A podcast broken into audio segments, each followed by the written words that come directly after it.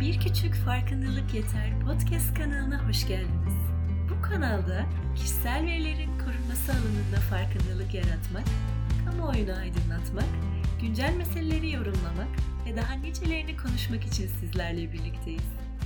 Zamanla merak edilen her konuda dinleyicilerimizi bilgilendirmeye devam edeceğiz. Öyleyse ilk serimiz geçmişten günümüze KVKK serüveni başlasın.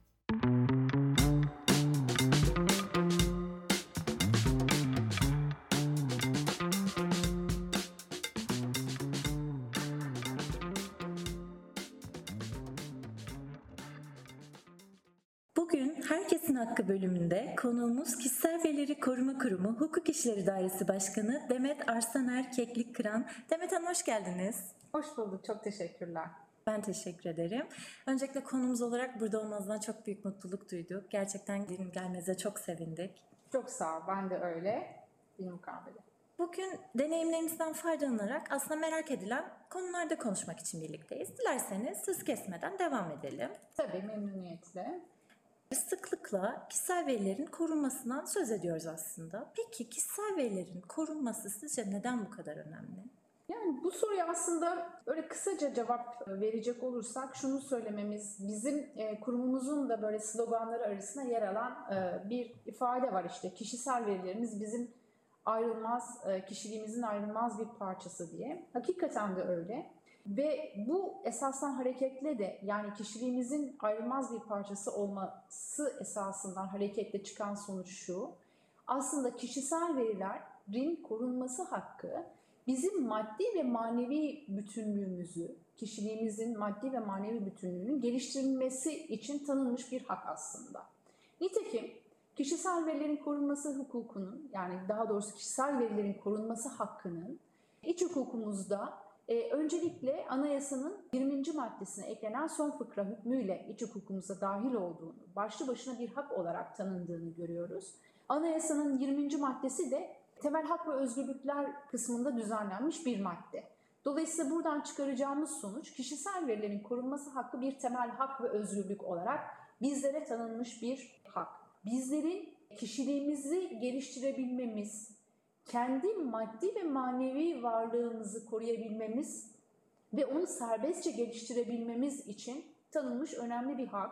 Kişisel verilerin korunması hakkı. Avrupa Birliği'nde de gelişimi bu yönde evrilmiş. Zaman zaman hatta Avrupa İnsan Hakları Sözleşmesi'nin 8. maddesinde özel hayata saygı hakkı başlıklı 8. maddesi kapsamında da yine içtihatlara konu olmuş bir hak kişisel verilerin korunması hakkı. Bu anlamda önemli bir hak. Tabii günümüzde geldiğimiz noktada yani gelişen e, teknolojiyle, hızla gelişen teknolojiyle birlikte aslında şu anda kişisel verilerin korunması hakkının önemini özellikle gelişen teknoloji karşısında bireylerin korunması, kişisel verilerini korunarak onlar üzerinde serbestçe bireylerin tasarruf edebilmesi hakkının e, sağlanması olarak özetleyebiliriz e, bireylerin e, kişisel verilerin korunmasının neden bu kadar önemli olduğunu açıkladınız. Biraz da dinleyicilerimizin aslında konuyu daha iyi anlamaları açısından kişisel verilerin işlenmesinin ne demek olduğunu ve işlenirken nelere dikkat edilmesi gerektiğini, işleme şartlarının neler olduğunu biraz örneklerle açıklayabilir misiniz bizi takip edenler için? Tabii. Şimdi kişisel verilerin korunması kanunu, bizim kanunumuzun adı da böyle ve hep bahsederken de kişisel veri korunması hukukunda kişisel verilerin korunmasından bahsediyoruz. Ve dolayısıyla şöyle bir algı aslında ortaya çıkıyor. Kişisel verilerin hiçbir şekilde işlenmeyecek, onları sürekli koruyacağız. E, bireyler sadece bu veriler üzerinde tamamen kendi tasarruflarıyla hareket edebilirler. Başka hiç kimsenin bu veriler üzerinde herhangi bir tasarruf yetkisi yok gibi de algılanabiliyor aslında. Kişisel verilerin korunması hakkı dediğimiz zaman bunun yansıması. Ama kişisel verileri işlemeden bahsettiğimiz için e, şunu söylemek istiyorum. Kişisel veriler aynı zamanda da işlenecek. Zaten kişisel verilerin korunması hukukunun çıkış noktası da bu.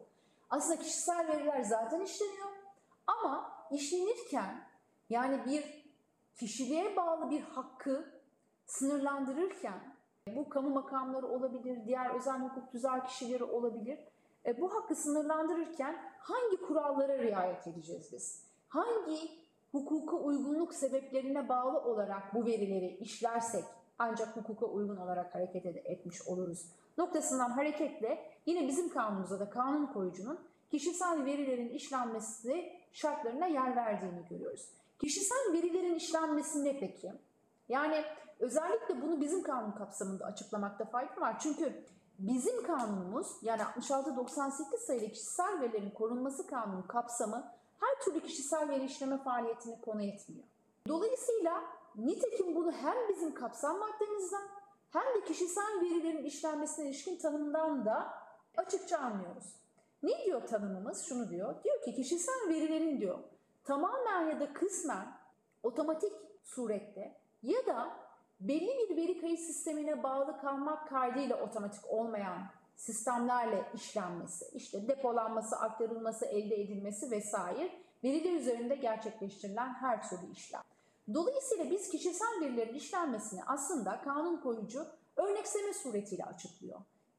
Kişisel veriler üzerinde gerçekleştirilen fiillere örnekler veriyor ve ve benzeri diyor. Yani e, gibi diyerek ucunu açık bırakıyor. Dolayısıyla kişisel veriler üzerinde gerçekleştirilen her türlü fiil aslında bir kişisel veri işleme faaliyetini olduğunu söylemek yanlış olmayacaktır. Ama bu işleme faaliyetinin bizim kanunumuz kapsamında kaldığını söyleyebilmemiz için ya kısmen ya da tamamen otomatik olan bir yolla veri işleme faaliyetinin gerçekleştiriliyor olması gerekiyor ya da belli bir veri kayıt sistemine bağlı olarak gerçekleştiriliyor olması.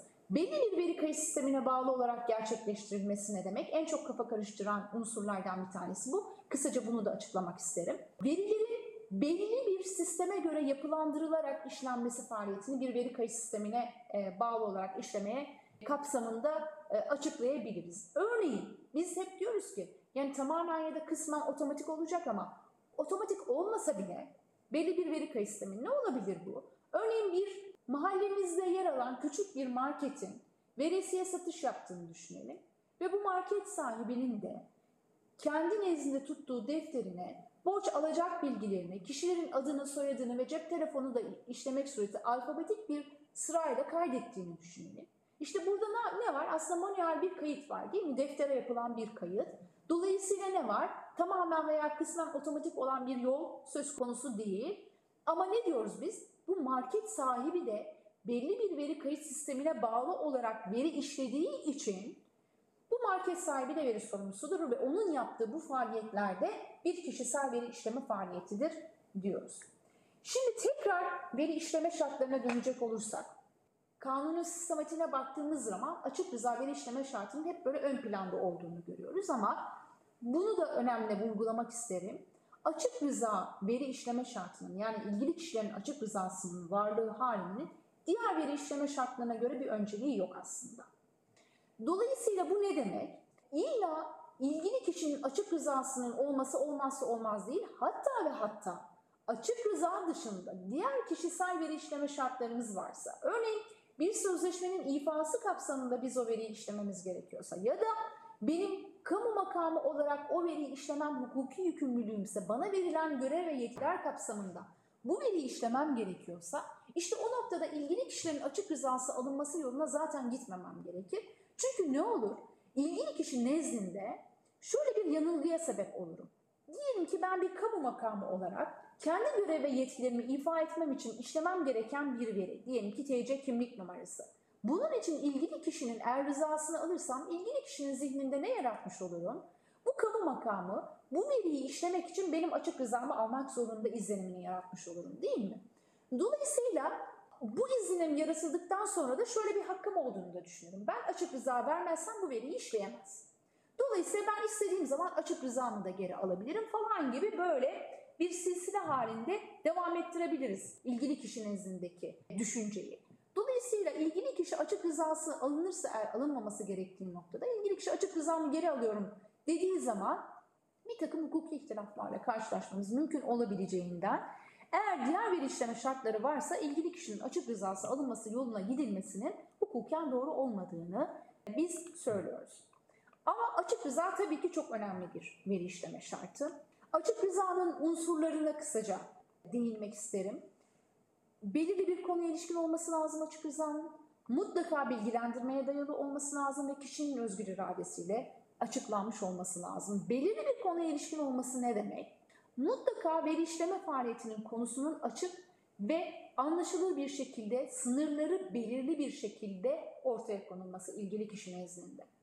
Yine bilgilendirmeye dayanması, açık rızanın alınmasından önce mutlaka o veri işleme faaliyetiyle ilgili kişinin bilgilendirilmesi, hatta bu işleme faaliyetinin sonuçları üzerinde de kişinin gerekli e, vukufiyeti sağlayacak düzeyde bilgilendirilmesi çok çok önemli.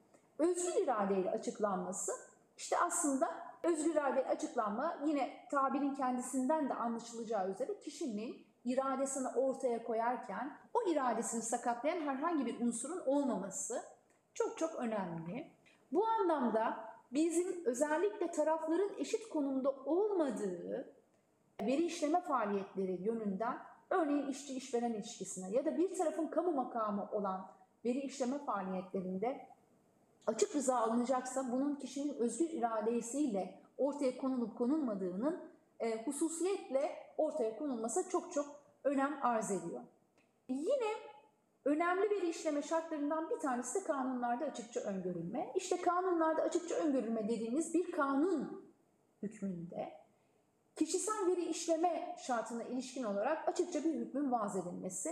Ee, buna bir örnek verirsek eğer, örneğin Nüfus Hizmetleri Kanunu'nda İçişleri Bakanlığı Nüfus Hizmetleri Genel Müdürlüğü'nün hangi verileri işleyeceği, aile kütüğünün tutulması yönünde hangi verileri işleyeceği açık bir şekilde yazılmış durumda. Hatta burada İçişleri Bakanlığı'nın, hani genel olarak bakanlık olarak ifade ediyorum, özel nitelikli kişisel verilere bile mesela biyometrik veri işleyeceğine dahi kanunda açıkça yer verilmiş. Çok tipik bir örnek. Dinleyicilerimizin dikkatine sunmak açısından önemli bir örnek olduğunu düşünüyorum. Yine iş kanununda işverenin yükümlülükleri kapsamında işçinin bir takım kişisel verilerin işlenmesine yönelik düzenlemeler var. Yine kanunda açıkça öngörülmeye bunu örnek verebiliriz.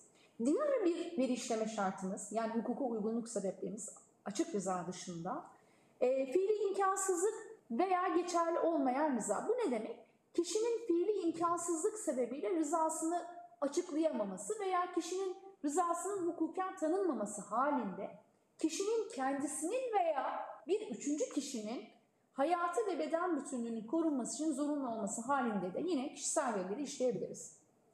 Örneğin ben dağcılık yapıyorum, çok seviyorum Uludağ'da. Ondan sonra kayak yapmayı, en tepelere tırmanıyorum. Ondan sonra ama bir gün işte çığ oldu vesaire Allah korusun kayboldum diyelim ki. İşte benim kişisel verilerimi o zaman mi, benim hayati bütünlüğüm, beden bütünlüğüm bir tehlike karşısında. Benim ya da benimle birlikte işte kayak yapmaya tepeye çıkmış arkadaşlarımın. O noktada benim de onların da kişisel verilerinin işlenmesi, açık rıza alınması zaten mümkün değil. Bu işleme şartına dayalı olarak gerçekleştirilmesi mümkün. Yine bir sözleşmenin kurulması veya ifası kapsamında da kişisel verilerimizin işlenmesi mümkün. Bu noktada ilgili kişilerin yine açık rızasını almaya gerek yok. Örneğin ben bir elektronik ortamda ticaret yapan bir, satış yapan bir siteden, örneğin bir ayakkabı sitesinden bir ayakkabıyı beğendim. Çok sık ayakkabı alışveriş yaparım ben de. Eminim sen de öyledir. Ondan sonra güzel bir ayakkabıyı beğendim. Ondan sonra girdim internet sitesine. O ayakkabıyı alabilmek için, o ayakkabının bana gelebilmesi için hangi verilerimi girmem lazım? E, adresine mutlaka girmem lazım değil mi? E, adımı soyadımı mutlaka giriş yapmam lazım. Ha ben bunları zaten kendim giriyorum ama buradaki tipik bir açık rızadan bahsedilmesinden ziyade burada aslında sözleşmenin kurulması ve ifası için satıcının, satış yapan tarafın benim bu kişisel verilerimi işlemesi zaten gerekli.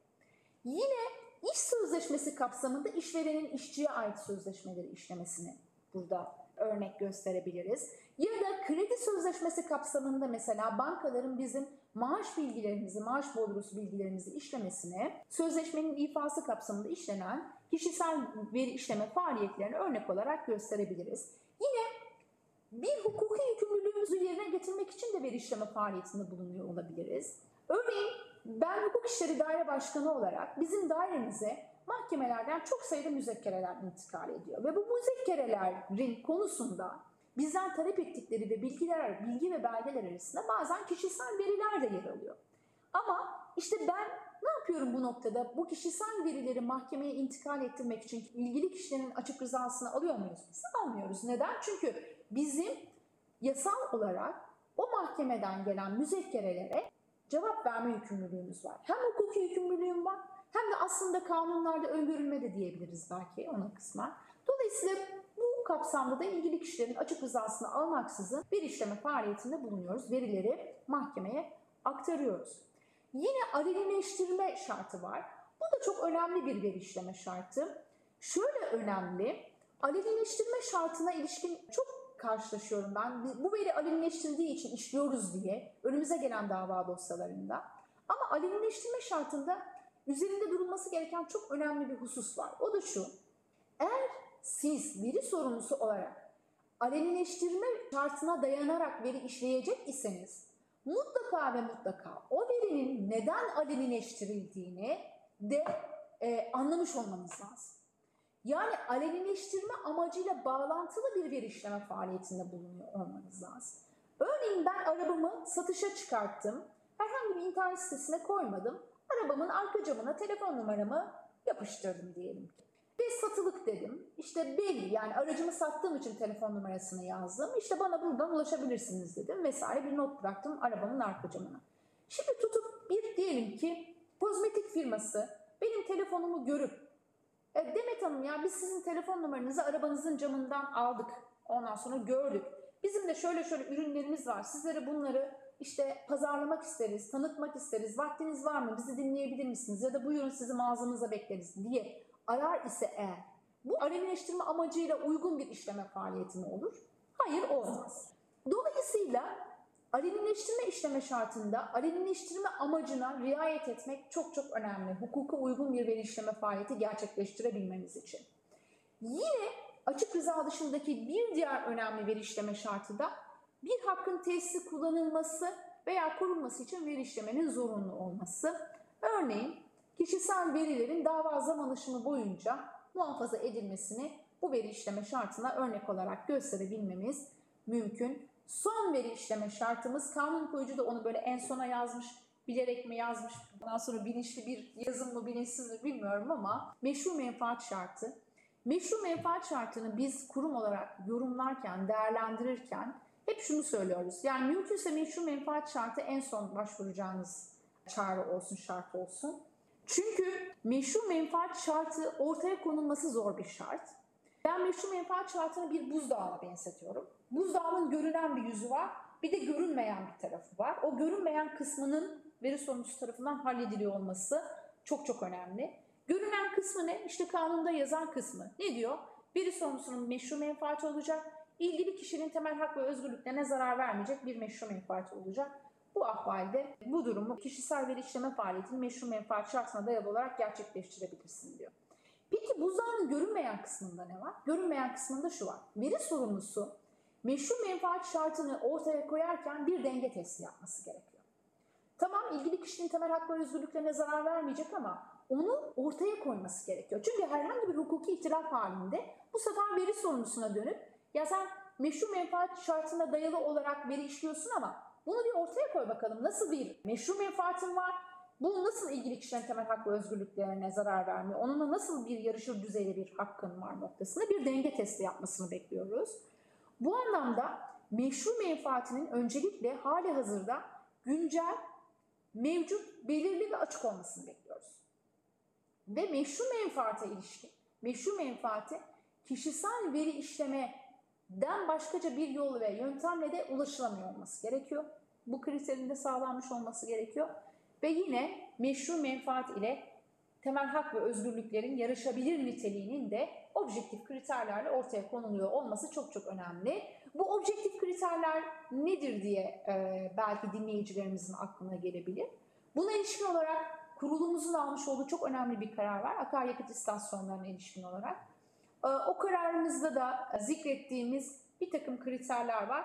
Dilerlerse merak edenler, ilgi duyanlar o kararı incelemelerinde fayda olduğunu düşünüyorum.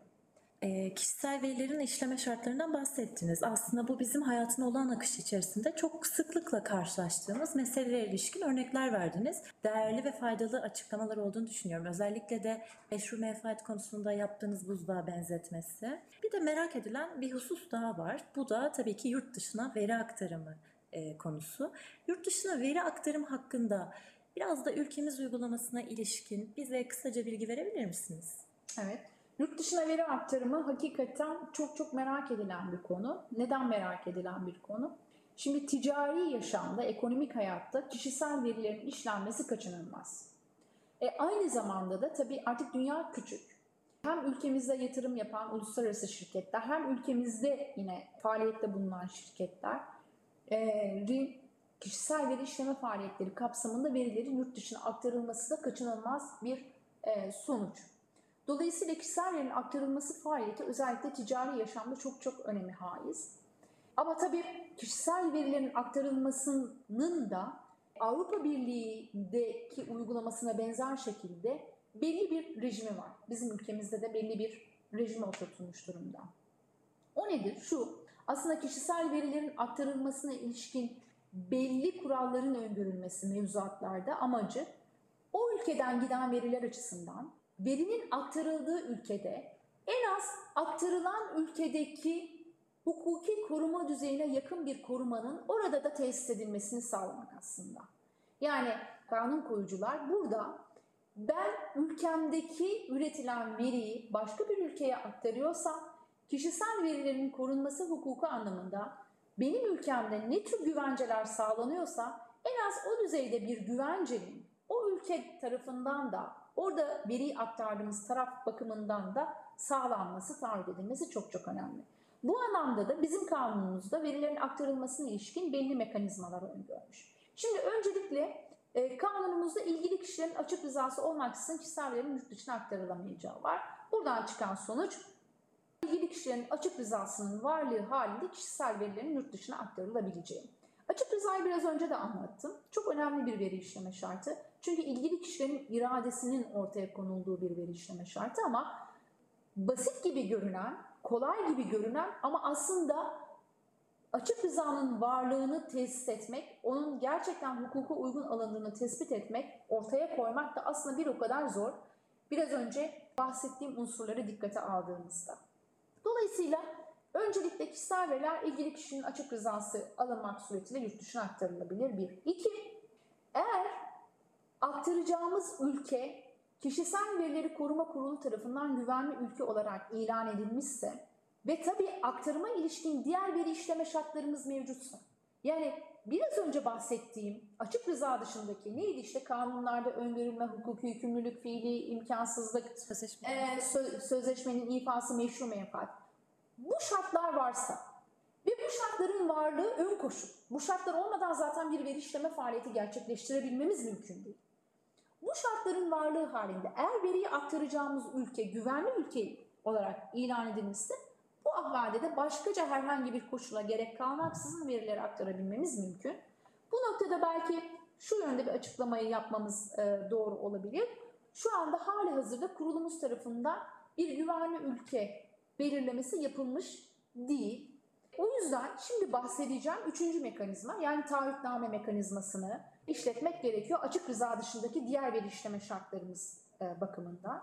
Açık rıza dışındaki diğer veri işleme şartları bakımından eğer varsa onların varlığı söz konusuysa ve yurt dışına veri aktaracaksak bu sefer ülkemizdeki veri aktaran taraf ile aktaracağımız ülkedeki veri alıcısı taraf arasında bir taahhütnamenin imzalanması ve bu taahhütnamenin de kurulumuzun iznine sunulması gerekiyor. Taahhütname nedir? Bu taahhütname aslında biraz önce dediğim o temel mantıktan hareketle uygun güvencelerin temin edildiği, taahhüt edildiği bir metin. Hukuki bir metin. Aslında bir sözleşme. Buna ilişkin olarak kurulumuz tarafından asgari unsurlara ilişkin bir belirleme yapıldı. Taahhütnamede yer alması gereken asgari unsurlar. Yurt dışına veri aktarımında bulunacak olan veri sorumluları bu taahhütnamedeki yer alan asgari unsurlara taahhütnamelerinde yer vermek, eğer ilave başkaca hükümler öngörüyor iseler, onlara da ayrıca yer vermek suretiyle kurulumuza izin başvurusunda bulunabilmeleri mümkün. Belki dinleyicilerimiz takip ediyordur.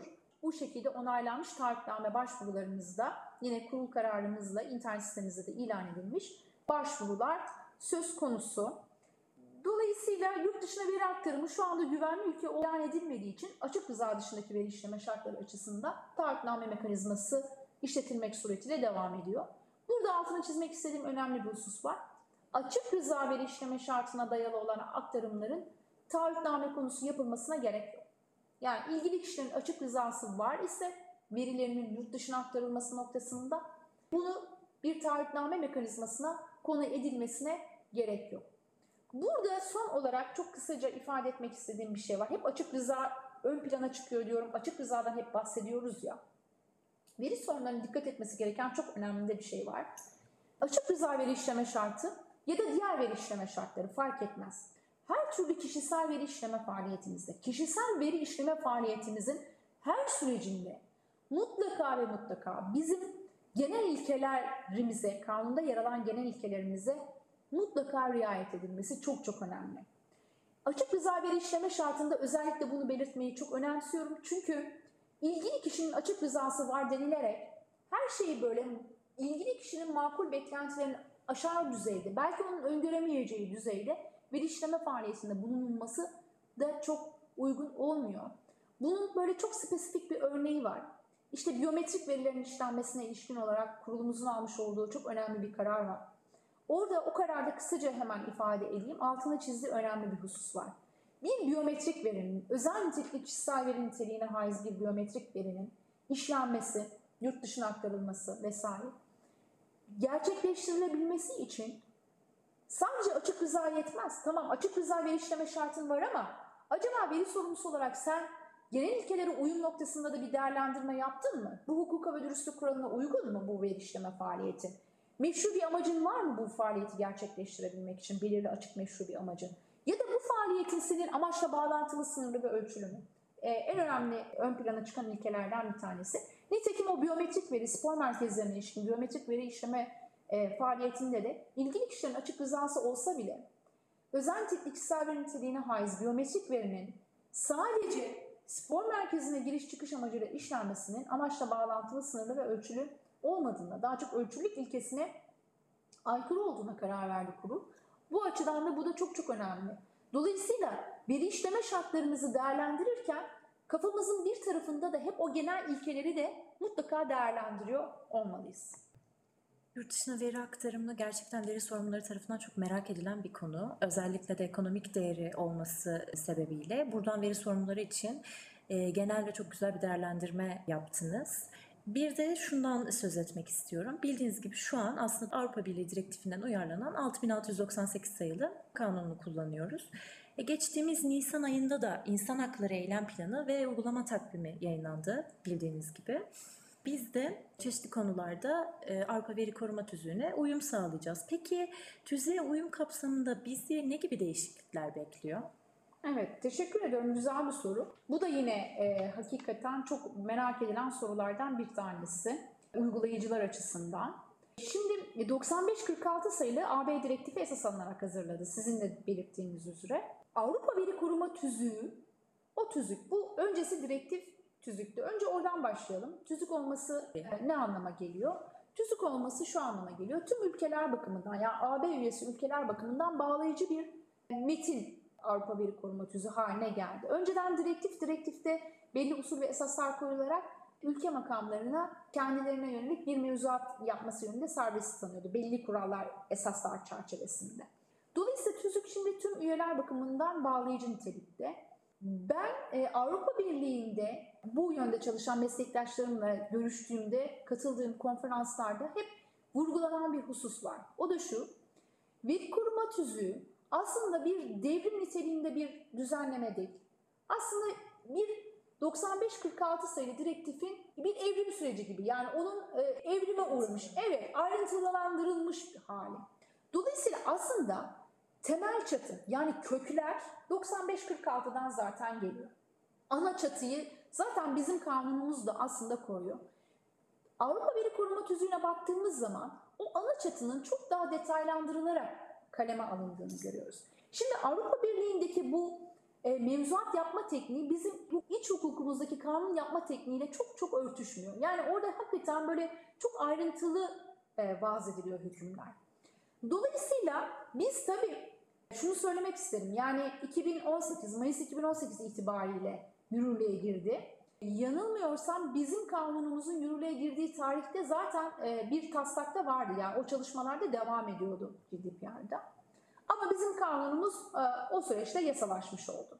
Şimdi biz tabii bundan sonrasında yani 95-46 sayılı direktifi esas aldığımız için ve o çatı üzerine kanunumuz oturtulduğu için zaten kurumumuz uygulamalarında da orada tabii hem doktrinsel anlamda hem içtihat anlamında Avrupa Birliği'nde de çok ciddi bir kaynak olduğu için uygulamalarımızda hep o, o tarafa bakıyorduk zaten. Bakıyoruz da hala hazırda da bakıyoruz. Yani özellikle yorum gerektiren, tereddüt edilen hususlarda ya Avrupa acaba Avrupa Birliği bu konuda ne demiş? Bunu nasıl uygulamış? Bu konuyu nasıl yorumlamış? Noktasında zaten kurumumuz faaliyete başladığından beri çalışmalarında sürekli biz Avrupa Birliği mevzuatlarını, uygulamasını yakından takip ediyoruz. Ve e, hep notlar alıyoruz. Alıyorduk, hala hazırda da alıyoruz. Yani eğer bir kanun değişikliği olursa biz bu hükmü nasıl değiştirirsek uygulamayı daha iyi hale getiririz noktasında. E, dolayısıyla bizim kurum olarak bakış açımız hep şuydu, şu anda da öyle devam ediyor. Avrupa Veri Koruma Tüzüğü'ne bakarak, oradaki uygulamaya bakarak kanunumuzda mutlaka kanun değişikliğiyle halledilmesi gereken meseleler, kanun değişikliğine gerek olmaksızın kurulun düzenleyici işlemleriyle halledilebilecek konular, başlıklar ya da bir üçüncüsü hiçbir şekilde bizim iç hukukumuza uygun olmayacak düzenlemeler şeklinde böyle bir ana başlık altında bu çalışmalarımıza zaten başlamıştık biz ve bu yönde çalışmalarımız devam ediyordu. Geldiğimiz noktada sizin de belirttiğiniz üzere şu anda Adalet Bakanlığımızın koordinasyonunda yürütülen İnsan Hakları Eylem Planı'na KVKK'nın yani kişisel korunması kanununun Avrupa Birliği standartlarıyla uyumlaştırılmasına yönelik bir hedef konuldu. Şimdi o hedefe baktığımız zaman hedef ne diyor bize? Avrupa Birliği standartlarıyla uyumlaştırılma. Dolayısıyla Avrupa Birliği standartlarıyla uyumlaştırma dediğimiz zaman pek tabii en başta Avrupa Veri Koruma Tüzüğü'nü incelememiz ve ona göre bir e, yol haritası çıkarmamız çok çok önemli. Yine özellikle kolluk kuvvetlerinin ve yargılama makamlarımızın kişisel veri işleme faaliyetleri bakımından da yine Avrupa Birliği'nde yürürlükte olan 680 sayılı direktifin esas alınarak mevzuatımızda karşılaştırılması suretiyle iç hukukumuza uygun olduğu ölçüde alabileceğimiz kanunla değişiklik yapılması elzem olan, mecbur olan değişiklikleri yapacağız. Şimdi insan hakları eylem planından bahsedildi. Ben bir de şeyden bahsetmek istiyorum. Çünkü eminim dinleyicilerimiz bunu da merak edeceklerdir. Bir de ekonomi reformları eylem planımız var. Bizim kanundaki e, değişiklik sürecine ilişkin olarak. Maliye Bakanlığı. Evet, aynen öyle. Hazine ve Maliye Bakanlığı'nın koordinasyonunda yürütülen bir süreç o da. O eylem planında da, ekonomi reformları eylem planında da işte biraz önce bahsettik ya verilerin yurt dışına aktarılmasının önemi ve bugünkü söyleşimizde konu ettik bu konuyu çünkü çok önemli bir başlık.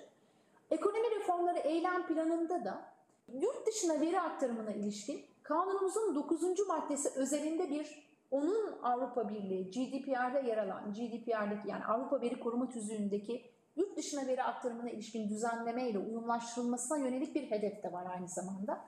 Dolayısıyla bir yandan da o. Yani yurt dışına veri aktarımına ilişkin ülkemiz hukukundaki rejimi de yine Avrupa Birliği standartlarıyla uyumlaştırma, ona yakınlaştırma yönünde de çalışmalarımız devam ediyor. Bunu da e, söylemek uygun olurdu diye düşünüyorum. Çok teşekkür ederiz. Merak edilen konularda gerçekten çok aydınlatıcı cevaplar verdiniz. Şimdi ben size daha subjektif bir soru soracağım son olarak. Biliyoruz ki siz aslında sürecin e, içinden birisiniz. Kurum kurulduğundan beri buradasınız. Şöyle geçmişten günümüze doğru bir değerlendirme yaptığınızda kurumun geldiği noktayı nasıl değerlendiriyorsunuz? Evet. Ee, bu soruyu gerçekten mümkün olduğunca objektif bir şekilde evet, yanıtlayacağım. Evet, sizin de belirttiğiniz gibi ben hani kurumun kuruluşundan beri kurumda faaliyet gösteriyorum ve tüm süreçleri biliyorum, hakimim. Yani burada arkadaşlar 2017 yılından beri başta başkanımız, kurul üyelerimiz olmak üzere ve diğer personel nasıl bir emek sarf ederek bugünlere geldik çok yakından gözlemleyebildiğim için ve bilakis de o çalışmalarda kendim de bulunduğum için çok rahatlıkla ifade edebilirim. Şimdi Avrupa Birliği'nde gerçekten çok ciddi bir geçmiş ve uygulama var. İçtihat var. Yani 30 yıl aşkın bir uygulama var. Düşünün ki biz 1981 yılında Avrupa Konseyi Sözleşmesi, kişisel verilerin otomatik işleme tabi tutulması karşısında bireylerin korunması sözleşmesini imzalamışız. Benim doğum yılım 81 bu arada. Yani 40 sene önce bu sözleşmeyi imzalamışız ama kanunumuzun yürürlüğüyle birlikte ancak bu sözleşmeyi iç hukukumuza alabilmişiz. İç hukukumuza yürürlük, yürürlüğe sokabilmişiz. Dolayısıyla bu noktada belki ülke olarak kendimizi çok ufak eleştirebiliriz. Yani o süreç belki daha mı kısa olsaydı, hani bir 40 yıl beklenmese miydi vesaire ama şu anda geldiğimiz noktada hem 2010 yılında yapılan anayasa değişikliği çok çok önemli bir değişiklik.